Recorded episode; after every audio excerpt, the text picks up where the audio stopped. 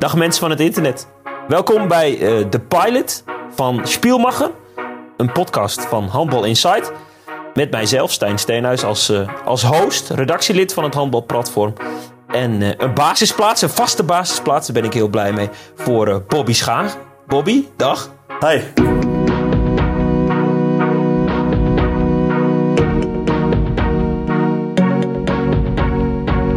Leuk dat je er bent, man. Ja, hetzelfde. Leuk dat jij er bent. We, uh, ja, daar ben ik ook heel blij mee. We gaan iets nieuws proberen, namelijk een, uh, een podcast. Dat is helemaal hip. Dat vind ik tof, maar jij ook, geloof ik. Ja, klopt. Ik luister zelf veel podcasts en ik dacht, ja, dan, uh, als, als Handbal Insight een podcast gaat beginnen, dan wil ik er sowieso bij zijn. Ja, dat is ook heel vet. Een beetje, beetje meer ruimte voor diepgang ook, hè? Ja, zeker. Podcasts die duren vaak wat langer. En ja, in deze wereld waarin alles snel moet, is dit natuurlijk. Ja, vind ik het altijd fijn om een podcast te luisteren. En jij volgens mij ja. ook? Ja, ik wil dan meteen wel een tip geven aan de mensen. Ik luister het altijd in de auto. Ja, ja ik ook wel veel. Maar um, het helpt ook echt goed als je klusjes in huis moet doen. En waar, die er niet van komen, om een podcast op te zetten. En voor je het weet heb je de vaatwasser uitgeruimd, de was gedaan je tas uitgepakt. Tenminste, bij mij werkt het heel goed. Dus als ik een, een, hele wasmand vol heb, dan nodig ik jou uit, zet ik een podcast op en dan uh, doe jij een vuile was? Je kan ook zelf die podcast opdoen en dan zelf de vuile was gaan doen, zeg maar. Dat, tenminste, zo doe ik het. Oké, okay, dat is wel een, uh, wel een heel goed plan. Ik wil eigenlijk ook wel de unique selling point uh, van, van deze podcast even uitlichten. Namelijk, vaak zitten mensen in een studio en het zou heel tof zijn als het zo was. Dus als mensen dat graag voor zich willen zien, zie je ons vooral in een studio. um, maar ik zit in Drenthe en jij zit in Stuttgart, Duitsland. Ja, ja klopt. Ik zit gewoon uh, in de huiskamer. Laten we het hopen dat de verbinding uh, het houdt. Ja, ja, dat ligt niet aan, uh, aan het Nederlandse netwerk, want volgens mij is, is dat altijd goed. Ja, dat is zeker iets om in Duitsland op jaloers te zijn. Ja, want voor de goede orde. Uh, ik ben een, uh, een uh, verslaggever. Ik doe veel voor, voor, voor de type van Handbal Insight. Jij bent er ook aan verbonden. Maar jij bent ook gewoon um, zelf professional. Ja, dat klopt. Ja. Ja, bij, bij, in de Bundesliga. Ja, klopt. Bij Stuttgart. En ja, maar wij kennen elkaar ook al een tijdje natuurlijk. we doen samen al een tijdje dingen voor Handbal Insight. Jij bent natuurlijk de, de journalist. En ik probeer op de achtergrond een beetje mee te helpen. Ja, heel vet. Dus het e echte sidekick, net als in deze podcast. Dan ga ik één, één, toch één vraag stellen. Waarom vind je dat dan interessant? Een beetje uh, ja, meewerken aan zo'n platform? Want er zijn ook spelers die uh, denken in hun vrije tijd: Weet je wat ik ga doen? Ik ga naar de kermis. Ja, nou ben ik sowieso niet zo van kermissen. Dus uh, ja, dat sowieso. Maar ik, ik heb me altijd al geïnteresseerd voor, voor media en voor dat soort dingen. En um, ja, zoals ik al zei, ik luister veel podcasts ook en ik, uh, ik lees veel. En ik heb me er altijd wel uh, voor geïnteresseerd. En ik vind het ook een leuke manier om, om het handbal in Nederland meer aandacht te geven. Want ik vind en vond vooral toen, toen we zijn begonnen, dat het handbal gewoon veel meer aandacht verdient. En ja, daar is dit wel de manier voor, zeg maar, internet. Dat ben ik het helemaal mee eens. Want de credits zijn voor jou en, uh, en Kevin Kreuger, die Handbal Insight ooit gestart zijn. Ja, maar de man die het dagelijks draagt mag ook wel een kleine shout-out krijgen, toch? Ben ik dat dan? Dat ben jij zeker. yes. nou, hartstikke mooi. Uh, genoeg uh, shout-outs gedaan. Uh, laten we overgaan naar inhoudelijk. Deze podcast. We willen dingen bespreken die ja, leven in de handbalwereld. Die op dit moment ja, gaande zijn.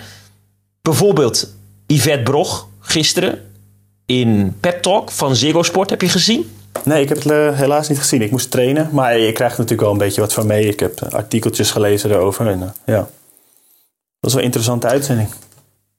Ja, heel interessant. Ze was ook uh, bijzonder gelukkig. Ze is natuurlijk in de zomer gestopt als topspeler na het winnen van twee Champions Leagues. Maar ze zat daar eigenlijk, geloof ik, gelukkiger dan ooit. Oh, echt? Ja, oké. Hoe, hoe was ze daaronder dan? Wat, heeft ze geen spijt dat ze helemaal niet meer handelt? Het is natuurlijk ook nog vrij kort na de beslissing, maar... Nou, dat hebben ze natuurlijk ook gevraagd. En dat is eigenlijk helemaal niet het geval. Ze mist het helemaal niet. Um, En ze vindt het vooral wel volgens mij fijn dat ze fysiek nu niet uh, inspanning hoeft te leveren. Want dat heeft haar in de zomer wel aan het twijfelen gebracht. Dat ze zoveel moest doen, zoveel fysieke inspanning moest leveren. En dat ze zich daar eigenlijk uh, moeilijk toe kon zetten. En daarnaast ook veel pijn had. En toen heeft ze gedacht, is dit wel wat ik wil? En uh, uiteindelijk heeft ze die hele moeilijke knoop doorgehakt. Maar ze zat daar bij Pep Talk eigenlijk stralender dan ooit. En volgens mij ontzettend gelukkig. Ja, dat vind ik, wel. ik vind het wel een knappe beslissing hoor. Want ik kan me er echt heel veel bij voorstellen. Dat je er op een gegeven moment gewoon helemaal klaar mee bent. Dag in dag uit, weer die sporthal. En ja, zij heeft natuurlijk, ze, ze speelt nog Europa Cup en, uh, en toernooien. En er komt ook nog die druk erbij kijken. Iedereen wil wat van je. Ik kan me dat echt heel goed voorstellen. Dat je op een gegeven moment gewoon dat je het niet meer op kan brengen. Maar dan nog vind ik het ook echt knap dat je, dat je dan ook daadwerkelijk die beslissing neemt om gewoon te stoppen. Want ja, het is toch. Dat is het vooral. Het is toch ook iets waar je geld mee verdient. En het is toch ook iets wat je, ja, wat je leven al zo lang heeft beheerst. Zeg maar. Het is wel knap dat je zo'n beslissing durft te nemen op je hoogtepunt eigenlijk. Of op de toppen van je kunnen. Zo. Mm Ja, want normaal, ik denk als topsporter zul je heus wel een keer denken: verdomme, uh, moet ik weer weg als er iets, iets leuks is? Of um, mijn lichaam kan niet meer misschien spookt het ook wel eens in jouw hoofd rond, maar om dan daadwerkelijk te zeggen, en zeker iemand als zij, altijd in de picture, jongens, uh, klaar ermee, jeetje, dat moet wel heel veel moed uh, vragen. Ja, zeker. Ja, vooral, zij zit natuurlijk ook zat in Hongarije, heeft nog Europa Cups en zo. Zij heeft al helemaal nooit tijd om haar vriendinnen, familie in Nederland te zien en zo. Dus dat lijkt me dan wel. Het is natuurlijk nog twee keer zo erg als bij mij, zeg maar. Wij hebben nog af en toe een weekendje vrij en ik speel geen Europa Cup en geen, geen toernooien. Maar ja, dat, ik kan me het wel echt goed voorstellen. Want het is echt wel, vooral voor haar, echt een bizar druk leven. En ook ja, lichamelijk en zo. Maar ja, om daadwerkelijk echt op dat punt te komen dat je zegt, nou ik stop ermee. Wel respect hoor. Heel veel respect, ja. En ze vroegen ook, want ze heeft nog een uh, doorlopend contract tot de aanstaande zomer bij, uh, bij Gjör, haar club in Hongarije. En ze vroeg ook van, uh, mis je het dan niet? En uh, zeker met zo'n EK krijg je dan kriebels. En ja. ze zei eigenlijk, nee, nu niet. Ik zeg nooit nooit. Maar op dit moment is dat niet aan de orde. Maar er is dus nog wel een kans dat ze ooit wel weer gaat handballen. Heeft ze daar iets ja, ze, over ze sluit het niet uit. Voor hetzelfde geld... Uh, ja, wat jij ook zegt, het is natuurlijk wel je beroep. En ik kan me voorstellen dat voor haar ook nog wel heel veel andere kansen zijn. Omdat ze gewoon als mens uh, ook heel open is en natuurlijk een, een prima verschijning. Dus, dus dat is helemaal niet, uh, dat is helemaal kansloos is. Maar het is wel je werk.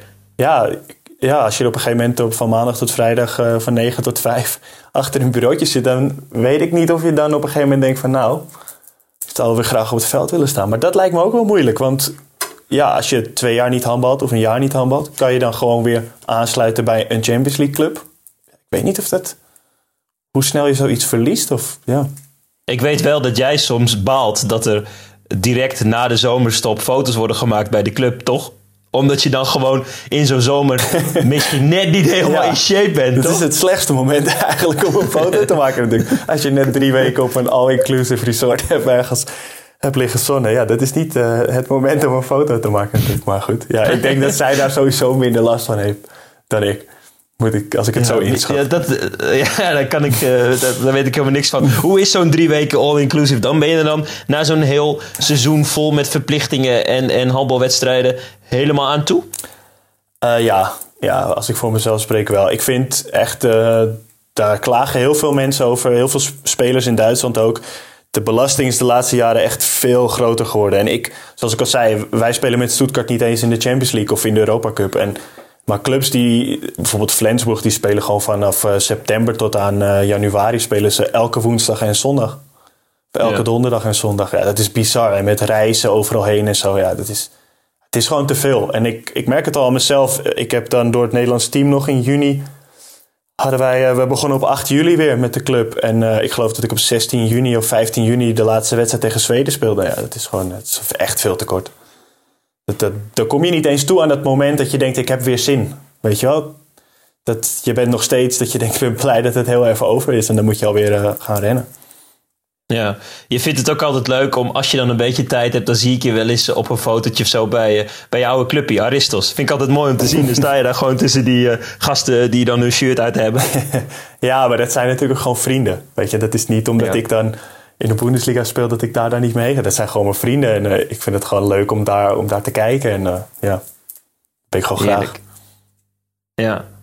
Maar nu moet Oranje verder uh, zonder Brog afgelopen maandag bij elkaar gekomen voor, voor het EK dat op 1 december voor hen start tegen Hongarije. Ik denk dat het wel een gemis is, joh, zonder, zonder Brog. Dat is natuurlijk zowel aanvallend als zeker verdedigend echt een, ja. echt een giga spelen. Ja, zeker. Dus ik denk dat het wel echt een, een aderlating is. Want zoals je al zei, ze heeft ook lengte. Ze speelt dekking en aanval. Wat ook al, ja, het is niet vanzelfsprekend. En ze heeft ook gewoon de ervaring van bij het spelen bij de beste club ter wereld. Dus zij, laat zich niet zo, zij wordt niet zo snel nerveus van een halve finale of een kwartfinale op een WK.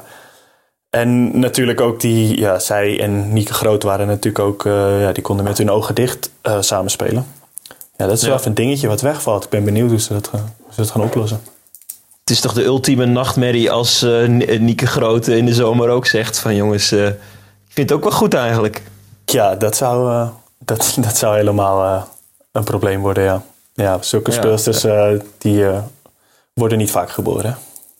Nee, nee, nu moet Oranje het doen met onder meer Danique Snelder op de cirkel. Die overigens ook niet helemaal okselfris is. teruggekomen van haar club uh, Ferencvaros. En er moet een, een nieuwe bijkomen. Ik heb de selecties doorgenomen. Ik zit daar natuurlijk eh, behoorlijk in. In tegenstelling tot dat jij. Want jij hebt natuurlijk, bent hartstikke druk gewoon zelf met spelen. Ja. Met Merel Freriks van uh, Bensheim Auerbach in uh, de Duitse Bundesliga. En Nikita van der Vliet, 18 jaar, VOC. Ja. Die moeten gaan knokken om, om dat plaatsje in de EK-selectie. Ik denk dat de verkiezing voor Freriks voor de hand ligt. Al um, is volgens mij de bondscoach best ook wel gecharmeerd van die 18-jarige. Maar ja, ga je die voor de leeuwen gooien in, uh, in Frankrijk? Dat lijkt me wel een, uh, een hele grote gok. Ja, maar waarom niet? Yvette Brog is ook ooit zo begonnen, toch? Ik bedoel, uh, ja, je, je, moet ergens ervaring opdoen. Je moet ergens beginnen. Ja, het zijn natuurlijk, als je ze zo noemt, zijn het wel andere clubs dan Gier natuurlijk. Maar ja, ja. Dat, hoeft niks te, dat hoeft niks te zeggen hoe heet het bij VOC? Sporthal Elzenhagen? De Elzenhagen? Weet jij dat? Elsenhagen volgens mij, maar het pin me er niet op vast. Ja, dat is wat anders dan die uh, Final Four Champions League arena van, uh, van Gier. Ja, maar het veld is even groot. De doelen zijn even groot. De lijnen, de lijnen zijn hetzelfde. dus, uh, nee, ja, Kruid. Natuurlijk is het anders. Maar ja, zoals ik al zei, Yvette Brog is ook ooit zo begonnen. Ik bedoel, ja, waarom, waarom niet, hè?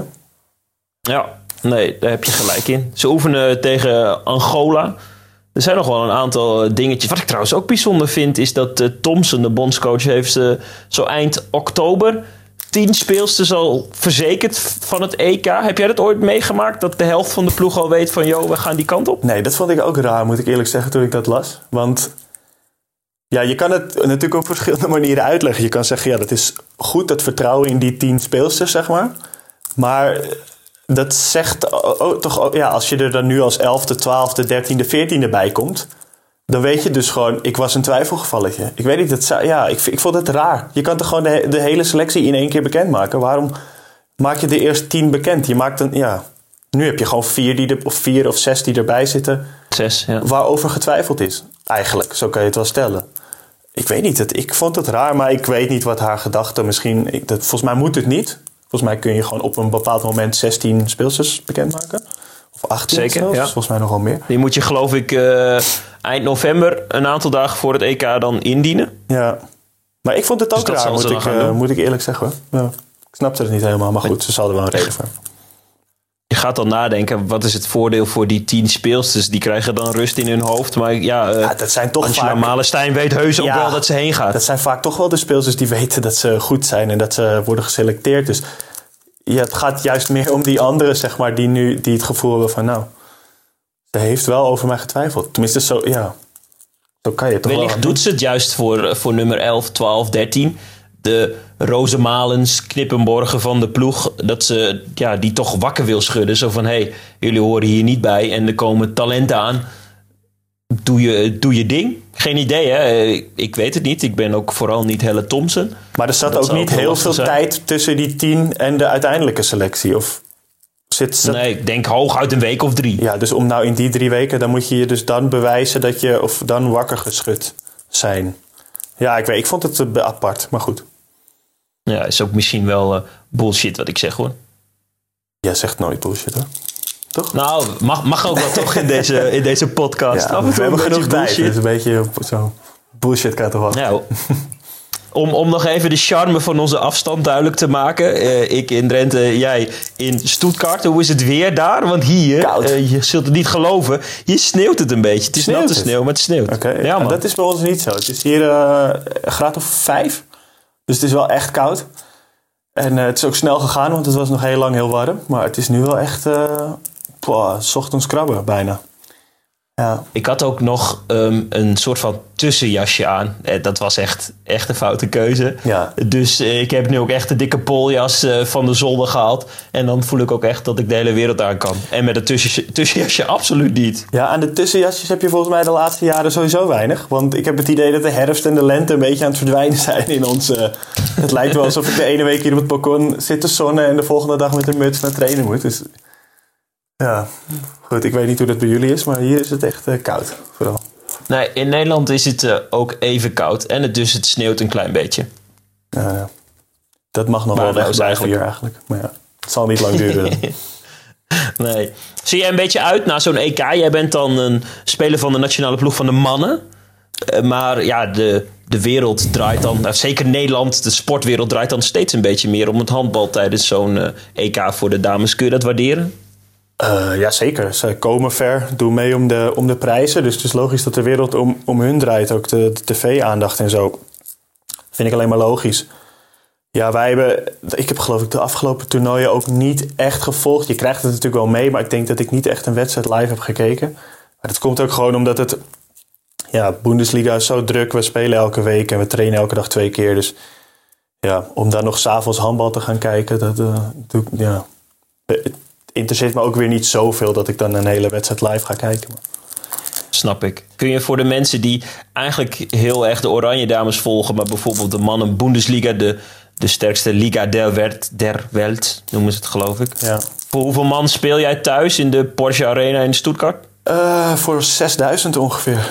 Ja, Nou ja, dat is wel echt vet hè? ja die, eh, dat is echt vet. Ja. Afgelopen, Dat is eh, gewoon o- om de week in uitverkocht Eindhoven. Waar de Oranje Dames vaak Interland spelen. Ja, eigenlijk wel. Ja, we hebben twee hallen. We hebben een iets kleinere waar we ook soms spelen. Daar kunnen er ongeveer 3000 in. En eh, we spelen ook eh, ja, vooral tegen topploegen, tegen grote namen. En ploegen uit de regio, zoals Kuppingen en eh Bietigheim. Ja, gewoon derbies, daar spelen we in de Porsche Arena. En ja, die is eigenlijk altijd uitverkocht met 6000 eh, toeschouwers. Ze denken er ook over na om, om elke wedstrijd in de Porsche Arena te gaan spelen. Maar ja, dat, Daar teken jij voor. Ja, tuurlijk. Alleen dat heeft weer met eh, de huur van de hal te maken. En eh, met allemaal soorten ja, dingen waar we geen invloed op hebben. Of dat kan of niet. Dus. Maar het zou mooi zijn. De status, de status van de handbalsport is wel tof hè, in Duitsland. Ja, het is hier gewoon... Ja, dat is heel moeilijk uit te leggen als je, als je nog nooit een wedstrijd hebt gezien of zo. Maar het, hier het is gewoon de nummer twee sport.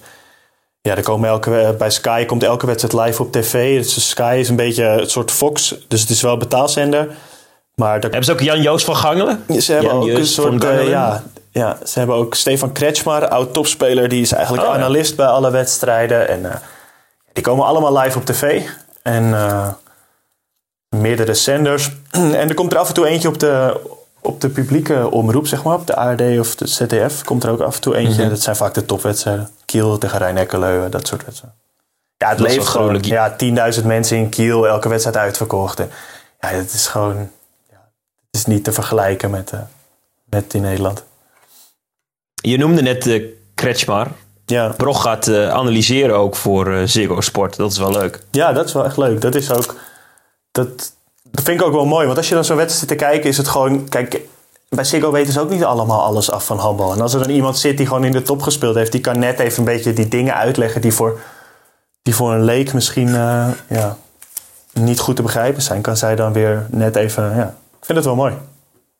Ja, dat is zeker tof. En ook wel tof dat ze eigenlijk klaar is met, eh, met zelf sporten, maar dat ze de handbalwereld zelf nog steeds wel een heel warm hart toedraagt. Ja, zeker. Heeft ze eigenlijk ook verteld ze, wat zei, ze nu ze doet? zei ook in Pep Talk. Nee, nee, dat heeft ze niet verteld. Oké. Ze was wel, ging ook op reis. Ja. Ja. Ja, wat je de, ja, zal nog wel eens dat weet ik dan weer een niet. spaarpotje hebben ergens. denk ik zo. ja, dat, eh, dat denk ik ook wel. Ja, ja die, ging, eh, die ging lekker op reis en nu is ze er weer. En nu gaat ze analyses doen voor uh, Ziggo Sport. Dus de mensen kunnen haar dan ook zien. Op, tegen Hongarije starten ze 1 december en dan is zij ook daar in de studio. Want zij speelde natuurlijk ook lang bij Gjör in Hongarije. Staat er nu nog steeds onder contract. Ja. Dus zij kent beide speels, spelers van alle teams heel goed. Hoe zit dat als je er nu nog steeds onder contract staat? Dan, dan krijgt ze wel elke maand uh, netjes de salaris, maar ze, ze, hoeft niet meer te trainen. Ja, dat is wel waar het op neerkomt. Die, die, die club uh, ja, die wenst daar uh, echt een goed leven toe. ook omdat ze misschien nog wel hopen dat ze ooit terugkeert. Die zijn wel heel solidair met haar. Dat is ook wel tof natuurlijk. Ze hebben daar dan de financiële ruimte voor om te zeggen... joh, zoek een jaar lang uit. Want voor hetzelfde geld zegt ze in de zomer: jongens, ik kom terug. En dan zou het natuurlijk dom zijn dat zij vrij snel hebben gezegd: van nee, de deur is dicht. Contractloos is, ja. Ja. ja, want die kan dan overal aan de bak. Ja, maar ja, Guillaume is natuurlijk wel het beste van het beste. Ik ga eens met Stuttgart bellen of ik een keer een jaartje vrij krijg. En uh, ze dan wel gewoon elke maand overmaken. En dan kunnen we in de studio. Dan, kun, dan hoeven we niet uh, podcasten. 600 kilometer uit elkaar te zitten met, uh, met een microfoontje. Maar dan kunnen we gewoon echt we kunnen ook wel gewoon doen of we wel bij elkaar zijn. Want dat doet uh, Siert de Vos toch altijd bij, bij Siggo. Als hij dan, dat, dan doet hij of hij in het stadion in Madrid zit. Maar eigenlijk zit hij gewoon in een bezemkastje ergens in Hilversum. Dat kunnen we ja, wel klopt. gewoon volhouden. Dat, dat moet alleen vanaf aflevering 2 doen we gewoon of we bij elkaar zijn. dat is een goed plan. En dan heb jij het dus gefixt met Stuttgart. Ja, ja precies.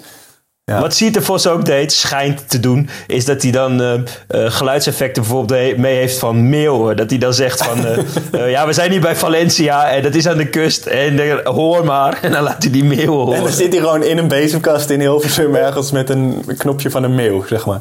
Ja, vind ik, ja, ik vind dat sowieso echt een lachen gast. Ik heb een boek over hem gelezen dat hij volgens mij ook uh, voor het grootste gedeelte zelf gevuld heeft met allerlei anekdotes. waar hij zelf ook heel hard op moet lachen. Maar dat vind ik echt een mooie gast. Ja, dat is echt mooi. Het is, uh, als de wedstrijd een beetje saai is, dat hij dan alle restauranttipjes van de, de speelstad gaat doen uh, in de buurt. En, ja, vind ik mooi. Of over de vrouw, ja. vrouw van een speler begint en haar Instagram-account dan opnoemt. En ga ik toch wel altijd even kijken. Ja, ja klopt. Dat zie je toch wel serieus? Nee. Ja, dat is, uh, dat is echt vet mooi. Ja. Weet je trouwens nog, want we hadden het net over uh, dat onze afstand, is zo'n 700 kilometer. Drie jaar geleden toen we Handball Insight startten, toen hebben we elkaar gemiet bij de IKEA in Hengelo. Weet je dat Ja, nog? dat was wel mooi. Toen speelde ik nog in Lübeck, geloof ik. Was het Lübeck, hè? Ja. Toen was het voor allebei ongeveer een uurtje rijden. En toen gingen we kijken wat we dan konden vinden ergens op een uur rijden. Toen kwamen we uit bij de IKEA in Hengelo, ja. En, en het was tweede paasdag en het was ook echt nog smoordruk daar. Zo, ja ja. Maar goed, het, uh, ja, kijk waar we nu zijn. Nu maken we een podcast door de IKEA in Hengelo gewoon. Het is ongelooflijk. Ja. Ik, ik vind het uh, tijd om eventjes uh, de rust, het rustsignaal te laten klinken. Ja. En tijdens deze pilot vullen we die nu nog zelf. Maar we willen eigenlijk een deel van de podcast... dat mensen die kijken, dat die dat gaan vullen met vragen of onderwerpen... of misschien mogelijke gasten die, uh, die eventjes langs uh, kunnen komen. Dus bij deze in de rust een oproepje. Voor een ieder die luistert. Zit je nu in de auto en denk je... Oh, ik wil dat ze hier iets over zeggen. Of dat ze dit uitzoeken. Ja. Dat kan. Ja, leuk. Vraag ook gewoon dingen. Dat vind ik ook leuk. Gewoon... Ja, dat we de volgende keer een paar kapstokjes hebben om, om ons aan vast te houden. Ja, we zijn, we zijn heel makkelijk te bereiken via Facebook. Natuurlijk onze Facebookpagina van Handball Insight. Via de Messenger. Maar ook um, Instagram, uh, direct message, DM'tjes, ja, slide, slide in de DM'tjes. Glijden gewoon in. Ja. Of, uh, of een, een, een Twitter, wat we allebei graag mogen gebruiken. Ja, prima. Mag, mag Handball Insight, mag Bobby Schagen, denk ik dat het gewoon is. Bobby Schagen, ja. Of bobby.handbalinsight.nl voor de mensen die nog ouderwets e-mailen. Ja, dat lijkt me echt leuk. Of, of de mensen die Bobby willen vermijden omdat het over Bobby gaat. Redactie.handbalinsight.nl Precies, ja. Ja, leuk. leuk. En ik, wil, ik wilde ook graag dan, want nu hebben we niets. Uh, maar ik wilde toch vullen met iets waarvan ik denk, dit ligt op mijn hart. En het is totaal niet handbal gerelateerd, maar het is wel een held. Uh, Raymond van Barneveld. ja. Heb je het gelezen? Hij is gestopt hè? en hij is depressief ook nog. hij gaat stoppen toch? Hij is er nog niet gestopt. Hij gaat zijn pijlen ergens anders ik- op richten. Heb je ze zelf bedacht? Nee, die heb ik ergens gelezen. Maar dat... Oh, Oké. Kunnen we dit eruit knippen? Nee, nee, nee, nee. Deze, deze opmerking was in de roos. Mooi. Maar nee, dat, vind ik, dat vind ik zo mooi, man. En ik vind het zo jammer dat die gast weggaat. Ja. Ik weet nog dat jij ooit een, plaatje stuurde dat hij een deal had met Febo. Ja. En dat ging die kroketjes van de Febo aanprijzen Ja, op mooi man. Ja, dat vind ik, dat vind ik echt... Ik vind dat echt een held. Ik bedoel, hij is wel gewoon een, een pionier van de, van de, van de dartsport natuurlijk. Hij heeft het wel gewoon op de kaart gezet. Ik bedoel, eh, ja, Michael van Gerwen, die hadden we niet gekend als, eh als Raymond van Barneveld er niet was. Ik vind het gewoon echt een mooie gast. Hij heeft ook een, eh, het- een hit gemaakt met een rapper, met Donny. Heb je die wel eens gehoord? Ja, dat is echt geniaal. Die man, die man, is hij wel eens genomineerd voor Sportman van het jaar? Want dan vind ik dat we het nu moeten doen. Ja, dat vind ik ook. Dat we Ja. dat zeer zeker moeten doen. Ik bedoel, je kan Want ik wel- altijd zo... Je kan wel altijd die schaatsers nomineren natuurlijk. En dan weet je wel, op een gegeven moment wordt dat ook een beetje saai. Maar Raymond van Barneveld is wel iemand die een soort oeuvreprijs verdient hoor, vind ik. Weet je wat ik ook al, al aan hem gun? Dat hij die signature move van hem als hij wint... dan gewoon een keer voor een vol, vol carré. Weet je hoe hij dan doet? Dan doet hij zo zijn armen uit elkaar en dan kijkt hij zo naar boven. En dan gaan de gordijnen dicht. Altijd. En dan is zijn carrière ten einde. Ja. Ja, ik wil wedden dat hij dan omvalt van al die kroketten, man. Ik ben benieuwd wat hij, nu, eh, wat hij nu gaat doen. Want hij zal dan ook wel als een soort Yvette Brog dan analist gaan worden. Bij de, bij, bij de, maar dat, dat is een mooie baan, hè? dat zou natuurlijk de doodsteek betekenen voor Coastal P. Eigenlijk. Ah, dat gun je die man Ja, niet, want hè? die zit daar altijd met zijn kooltruitjes met een of andere website van de keukenconcurrent eh, erop gedrukt. Ja. Ja, als, Ja. als Van Barneveld natuurlijk vrij is, ja, dan, eh, dan is het klaar voor Co, denk ik. Ja, want gelijktijdig met, met handbal, Oranje Dames, is de decembermaand ook onlosmakelijk verbonden met darts. Ja. Dat vind ik altijd zo mooi. Weet, weet je wat ook mooi is? Bijvoorbeeld eh, eh, Jens, Jan Dekker, die komt dan uit Drenthe en die zit dan de ene dag in de studio potjes te analyseren en een dag later staat hij gewoon zelf erop Ellie Pelly te gooien. En Ja. dan denk je, gast, had je daar niet al lang moeten zitten? Maar dat is gewoon, gewoon ja, natuurlijk een en al entertainment. Is die studio niet in Engeland? Of weet je dat niet? Die RTL, Nee. RTL 7 studio? Nee, oké. dat, dat- Nee, die zit gewoon in Hilversum. Er zit die Krullenbol of eh, Koert Westerman, die zitten daar dan. Ja, klopt. Ja, ja. ja, ik vind dat echt schitterend. Ik, eh, ik was een paar, eh, paar jaar geleden met vrienden in Londen tussen kerst en oud en nieuw. En ja, het, het is dat die prijzen voor zo'n tafel daar in Ellie Pelly zo hoog zijn. Maar ik wil daar echt nog een keer heen. Dat staat wel echt op mijn bucketlist. Lijkt me ook echt, eh, echt vet. Nou, kijk, mensen die dus iets willen insturen, het kan ook over darts gaan of over. En heb je eh, kaartjes voor anders. Darts WK, dan, eh, ja, waar je niks mee doet, stuur die ook even door. ja, hartstikke goed. Hartstikke goed. Nou, bij deze, dit was dan de rust, de halftime show van Spielmacher, een podcast van Handball Insight. En dan ga- gaan, we, gaan we weer door, denk ik, hè? Ja, ja leuk. Jij had nog een onderwerp dat je wilde aansnijden.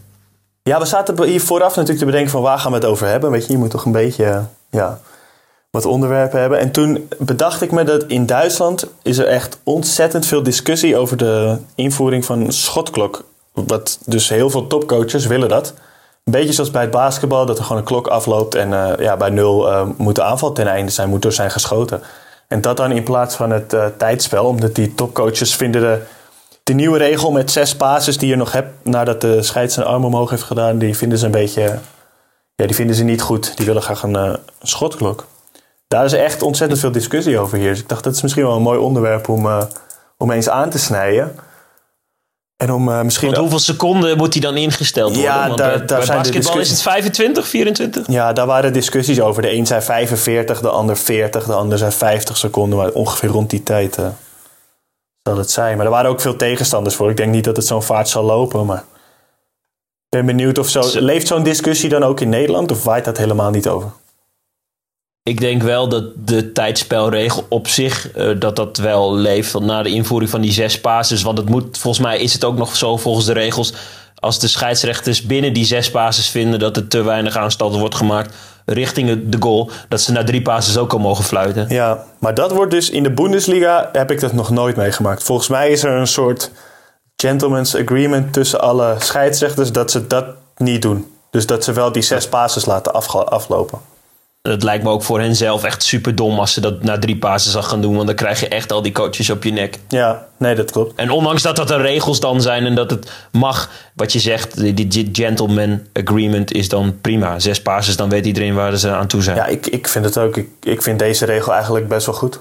Ik, uh, voor mij mag die best wel zo blijven. Het is tenminste duidelijk. En je kunt gewoon uh, met zes passes kun je nog wat. Je kunt, er gewoon, je kunt erop trainen. Je kunt er tactisch iets van maken nog. Wat je in die zes passes kan doen. Of wat je met drie passes kan doen. Of een bepaalde variant op een vrije worp. Van mij mogen ze wel zo houden. Ik denk dat je met een schotklok krijg je gewoon uh, dat, dat spelers. Dan wordt het gewoon een soort ja, bombardement op het doel. Op een gegeven moment de arm gaat er, of de tijd loopt bijna af. En dan moet er uit onmogelijke posities geschoten worden. Ik denk niet dat je daarheen moet willen. Maar goed. Ik, uh, ik kan in mijn hoofd um, één hele grote tegenstander al uh, vinden. Uh, dit gaat jou niet zeggen, maar dat is de doelman van het team waar ik speel. Ik speel bij HVC, we spelen in de hoofdklasse. En we hebben een doelman, die is op leeftijd, maar die is steengoed. Albert heet hij. En Albert doet altijd als we in honderdtal zijn en we krijgen een tegendoelpunt, dan gaat hij altijd kijken waar de scheidsrechters naartoe kijken. En vaak is dat dan al naar de overkant en niet naar hem. Ja. En um, in de hoofdklasse zijn de scheidsrechters soms wat op leeftijd. En dat is helemaal niet erg. Maar die, ja, die moeten dan wat opschrijven. En, en Albert laat dan altijd de bal net zo lang een beetje voor zich uitrollen. Voordat een van de scheidsrechters hem weer aankijkt. En dat duurt soms echt wel 5, 6 seconden. en ik ben de middenopbouwer, dus ik moet het spel weer vervolgen. En dan denk ik, jongen, doe nou, doe nou. Want hij gaat zo met een tijdspel geven. Doe nou, doe nou. En het, is, het lukt hem altijd om zo lang mogelijk te rekken. En de, en de tegenstanders worden dan helemaal gek. Ja, dat, ja dat, is, dat gaat dus niet meer met een, met een schotklok, want die loopt dan al, denk ik. Albert, als je luistert, jammer man, uh, ooit uh, gaat dit niet meer werken. Albert, je bent de lul. Het gaat hem niet worden. nee, nee, maar sowieso um, is handbal, denk je, een sport waar veel van dit soort innovaties, uh, ja, waar er plaats voor is of niet? Want er is bijvoorbeeld ook wel eens gesproken over het afschaffen van de middenuit het afschaffen. Dat het gewoon, dat, er mag meteen doorgespeeld worden. Ja, ik weet dat de, dat de coaches dat wel eens. Ik weet niet welke coach het in Nederland heeft gezegd. Dus ik ga dat ook nu de naam niet gissen. Maar die vinden dan um, dat er getest moet werden, worden met hoe dat zal zijn. Dan kun je nog sneller hervatten. Ja, dan wordt het helemaal een uh, Renje Rot show natuurlijk. Ja, dan kun je ook iemand voorin laten staan. En dan proberen in ondertal te verdedigen. En dan meteen die bal naar voren te gooien. En dan heb je een break. Bobby Schagen, Spitta. Ja, dat, dat, lijkt me, dat lijkt me helemaal niks. Ik vind dat juist wel mooi, die snelle midden. Dat, dat maakt het juist ook heel snel. Ja, nou, daar heb je wel gelijk in. Ploegen die dat... Je ziet bij ons nu, we speelden vorige week tegen Maagdenburg. Ja, dat is niet normaal. Ik dacht dat ik na 20 minuten aan de beademing moest. Die spelen zo ontzettend snel. Daar, daar, kan je wel snelle midden afschaffen, maar dat maakt het... Dat, ja, dat, die spelen meteen, de keeper gooit uit het. Die zit nog in het doel en die gooit hem naar het midden en de rest komt er als een, sneltrein overheen. Dat is niet te verdedigen soms gewoon. En dat vind ik, nee, dat is toch mooi om te zien. Heb je, die staan hoog, hè, Magdeburg? Ja, die doen het echt heel goed. Die staan geloof ik uh, tweede of derde of zoiets. Echt een goede ploeg. Dus het is niet, ja. niet gelukt om van, uh, van hen te winnen? Sterker nog, we stonden bij rust met 13 doelpunten achter, geloof ik. Dat heb ik ook nog nooit. We werden echt helemaal weggeschoten. Hmm. Ja. Niet echt een wedstrijd om, om in deze podcast uit te lichten, want het gaat ook wel eens veel beter, geloof ik. Ja, ik begon er zelf over. Best ja, wel dom. Wel. En ik vroeg naar de uitslag. Ja. Ja. Dat is balen. Ja, nee, die ben ik vergeten, de einduitslag. Ja.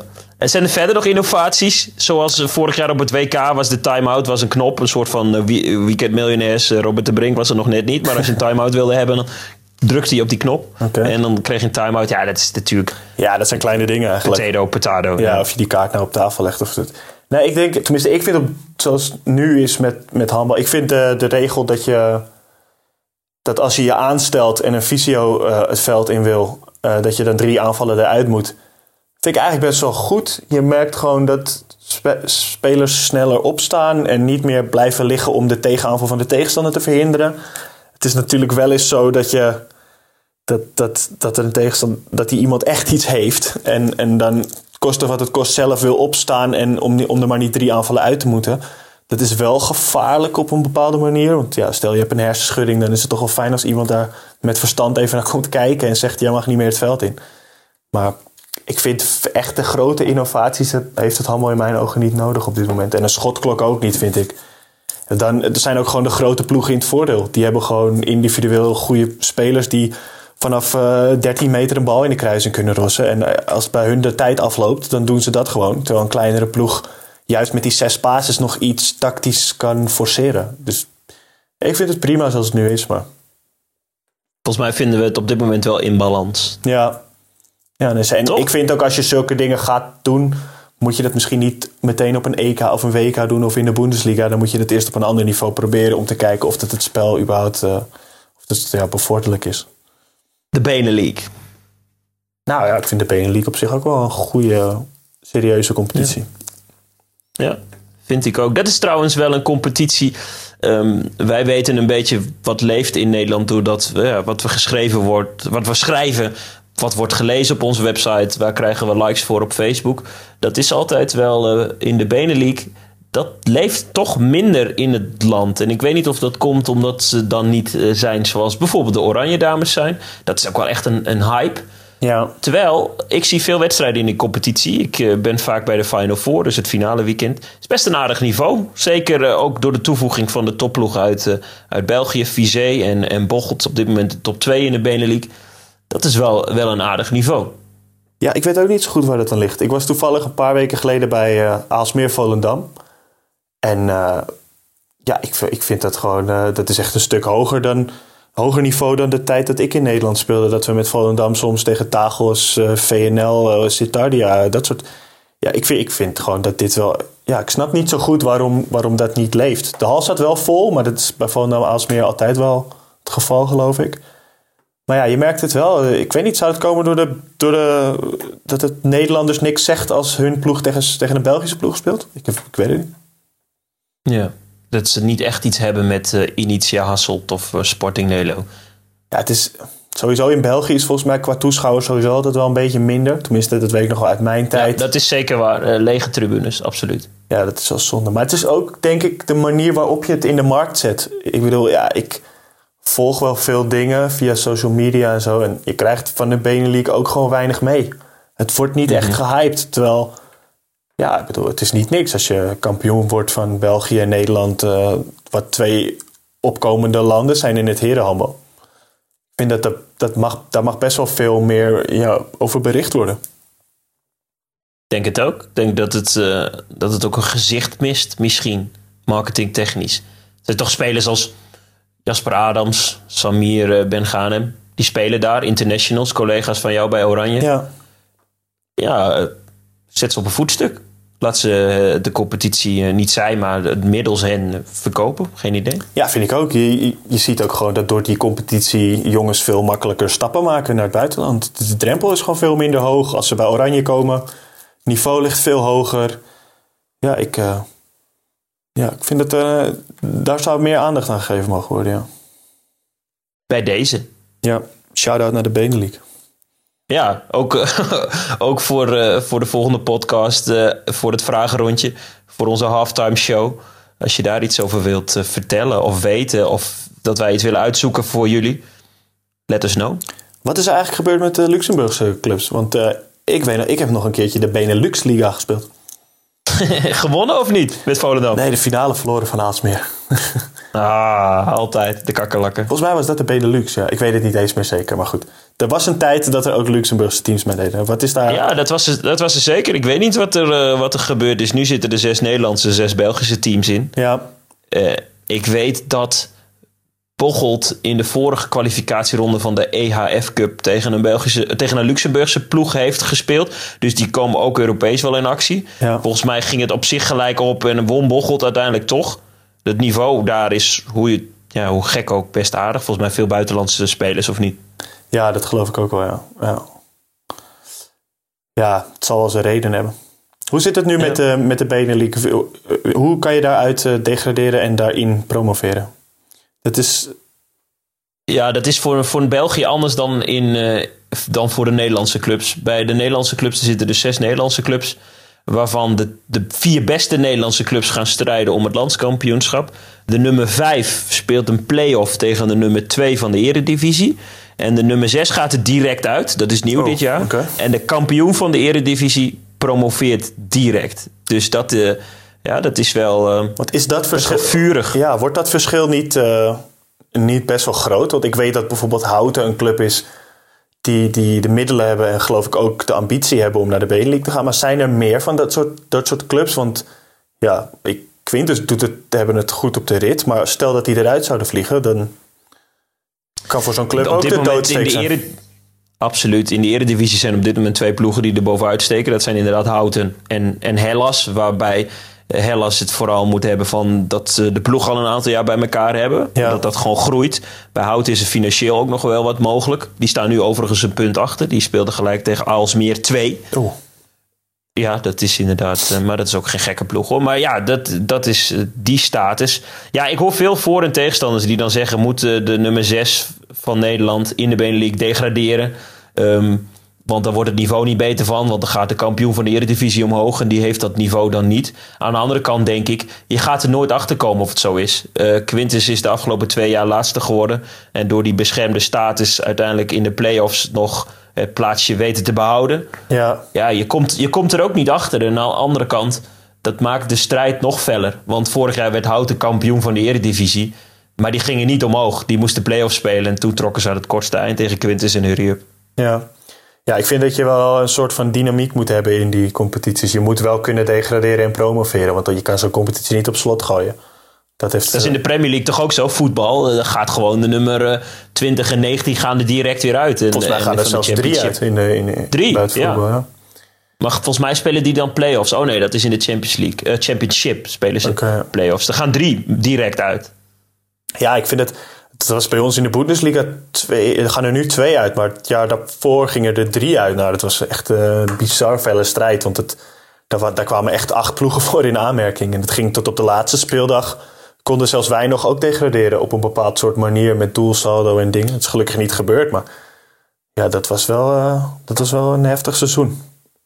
Slecht voor je hart, denk ik. Ja, dat is niet, eh, niet prettig. Ja, vooral dat het verschil met, met het, een jaar naar de tweede liga kan voor een club gewoon dodelijk zijn. Het levert gewoon veel minder geld op. Mhm. Ja. Dat had Barney niet overleefd met zijn hart, die stress. Nee, nee, zeker niet. Maar Ba- Barney was natuurlijk ook geen kandidaat om ergens te degraderen. Die promoveert alleen maar. Promoveert alleen maar. Dat is een winnaar. Oh, ja, st- straks van de, van, de, van de Febo naar de Anytime. Alhoewel, ik denk niet echt dat het een promotie is. Ik hoop niet, ik weet niet wat de anytime is, maar ik hoop dat Barney gewoon de Febo nooit in de steek zal laten. Is er in jouw buurt geen Anytime? In Stuttgart?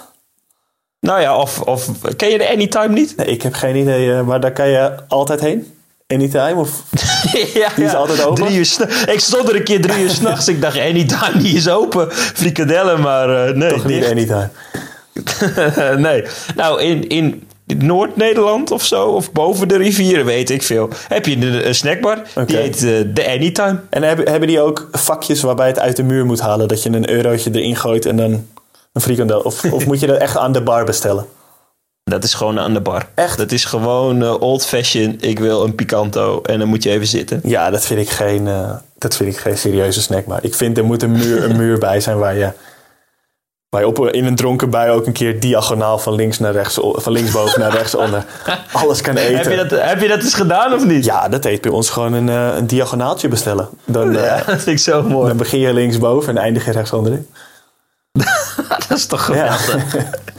maar ver- verbrand je je klauwen dan niet aan het hele hittesysteem eh, achter zo'n muur? Ja, je moet wel eerst opeten voordat je het volgende gerecht eh, neemt natuurlijk. Oh, mooi man. Dat vind ik echt mooi. Ja, wie weet. Misschien zien we Barney binnenkort bij de Anytime. Ja, of, of bij de Benelink, of eh, als analist eh, van het EK handbal eh, naast Brog, maar dat denk ik niet. Jij zei dat de Benelink een gezicht nodig had. Nou, daar hebben we het al.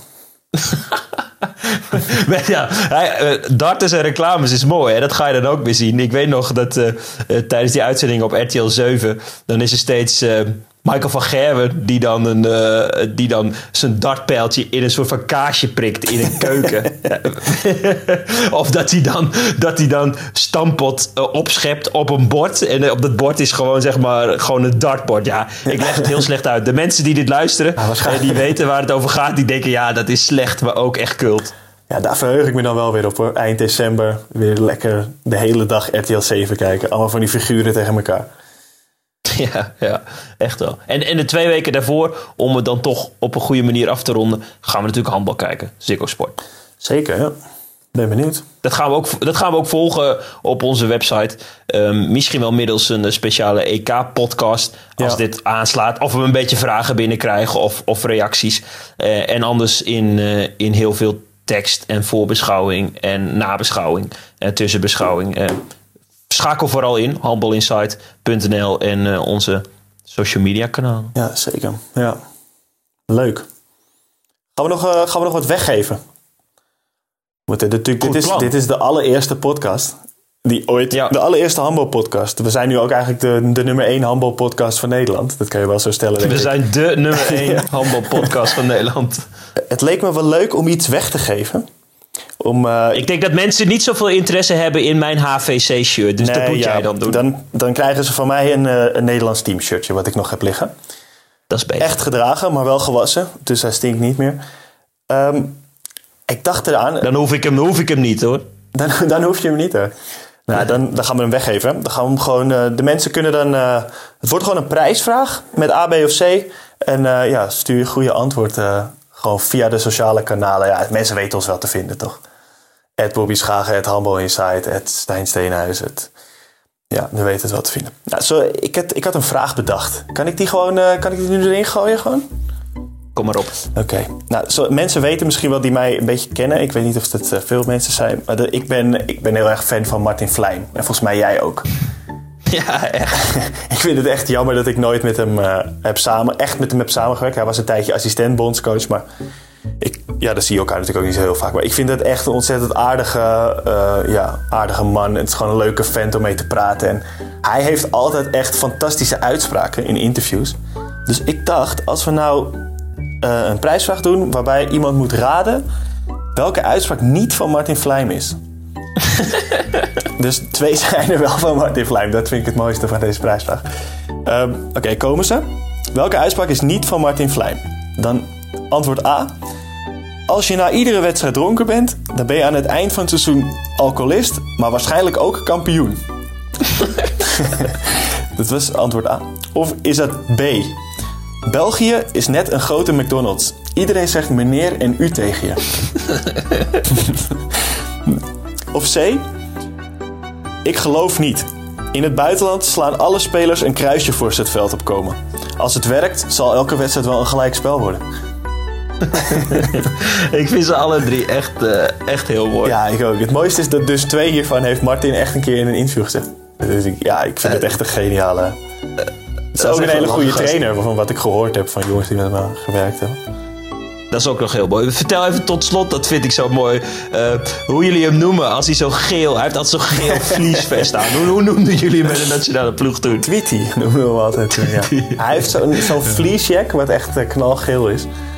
En eh, dan hadden wij alle Nederlands teamkleding aan als we gingen wandelen voor een wedstrijd. En dan, als we dan een foto maakten, zo, dan zag je altijd zo één zo'n heel groot, want hij heeft natuurlijk een vrij, eh, hij is vrij eh, een goed postuur, zeg maar. En dan Ja. eh, zag je één zo'n hele grote gele vlek op die foto. Zo'n, eh, ja, dat is wel mooi. Het maakt hem ook echt geen hol uit. Nee, hè? het maakt hem helemaal niks uit. En hij kan er zelf het hardst op lachen. En ik vind het echt zo'n aardige vent. Is echt, eh, als we ooit een keer de, met... Want ja, het is natuurlijk wel het idee dat we ooit een keer gaan podcasten met gasten. Dan Ja. mag hij... Dus hij is wel mijn favoriete gast, denk ik dan. Dat denk ik ook. Maar dan moeten mensen wel een, een goede rit voor de boeg hebben. Want hij lult wel veel natuurlijk. Ja, nou, als je een keer, weet ik, op vakantie... voor de zomervakantie, als mensen naar Frankrijk, Zuid-Frankrijk rijden. De speciale Route de Soleil uit editie van, van Spielmacher. Ja, dan gaan wij gewoon af en toe koffie drinken. En dan laten we Martin anekdotes vertellen. Dat lijkt me echt eh, prachtig. Heel goed. Nou, A, B of C, stuur het naar ons via de social media kanalen. En ehm, vergeet ook niet verzoekjes in te sturen voor, eh, voor onze halftime show. Ja, Sneeuwt het inmiddels al in Stuttgart? nee, het is wel donker. Dus ik kan het ook niet zien eigenlijk. Ik zeg wel nee, Nee. maar misschien sneeuwt het wel. Dat is een voordeel van onze afstand. Als het nou echt de hele wereld plat ligt van het ijs of van de sneeuw. Wij kunnen altijd podcasten via internet. Ja, top. Dan gaan mensen lekker lastig vallen de komende tijd. Zeker. Tot slot wil ik nog even een shout-out doen naar onze technicus Jasper Steenhuis. Hij kijkt en luistert nu mee. Hij houdt zijn mond. Hij weet wat hij heel goed kan. En dat is eh, dingen aan- op de achtergrond. Onder meer de graphic die jullie eh, nu zien is ook eh, van hem. Dus een shout-out. Ja, Toch? ja zeker. Ja. Bobby, tot de volgende keer. Bis gleich. Tschüss. Bis gleich, dat is tot straks. Dus moeten we het uh, bis später. Bis, eh, bis eh, nächste Mal. Auf Wiedersehen. später mal. Auf Wiedersehen.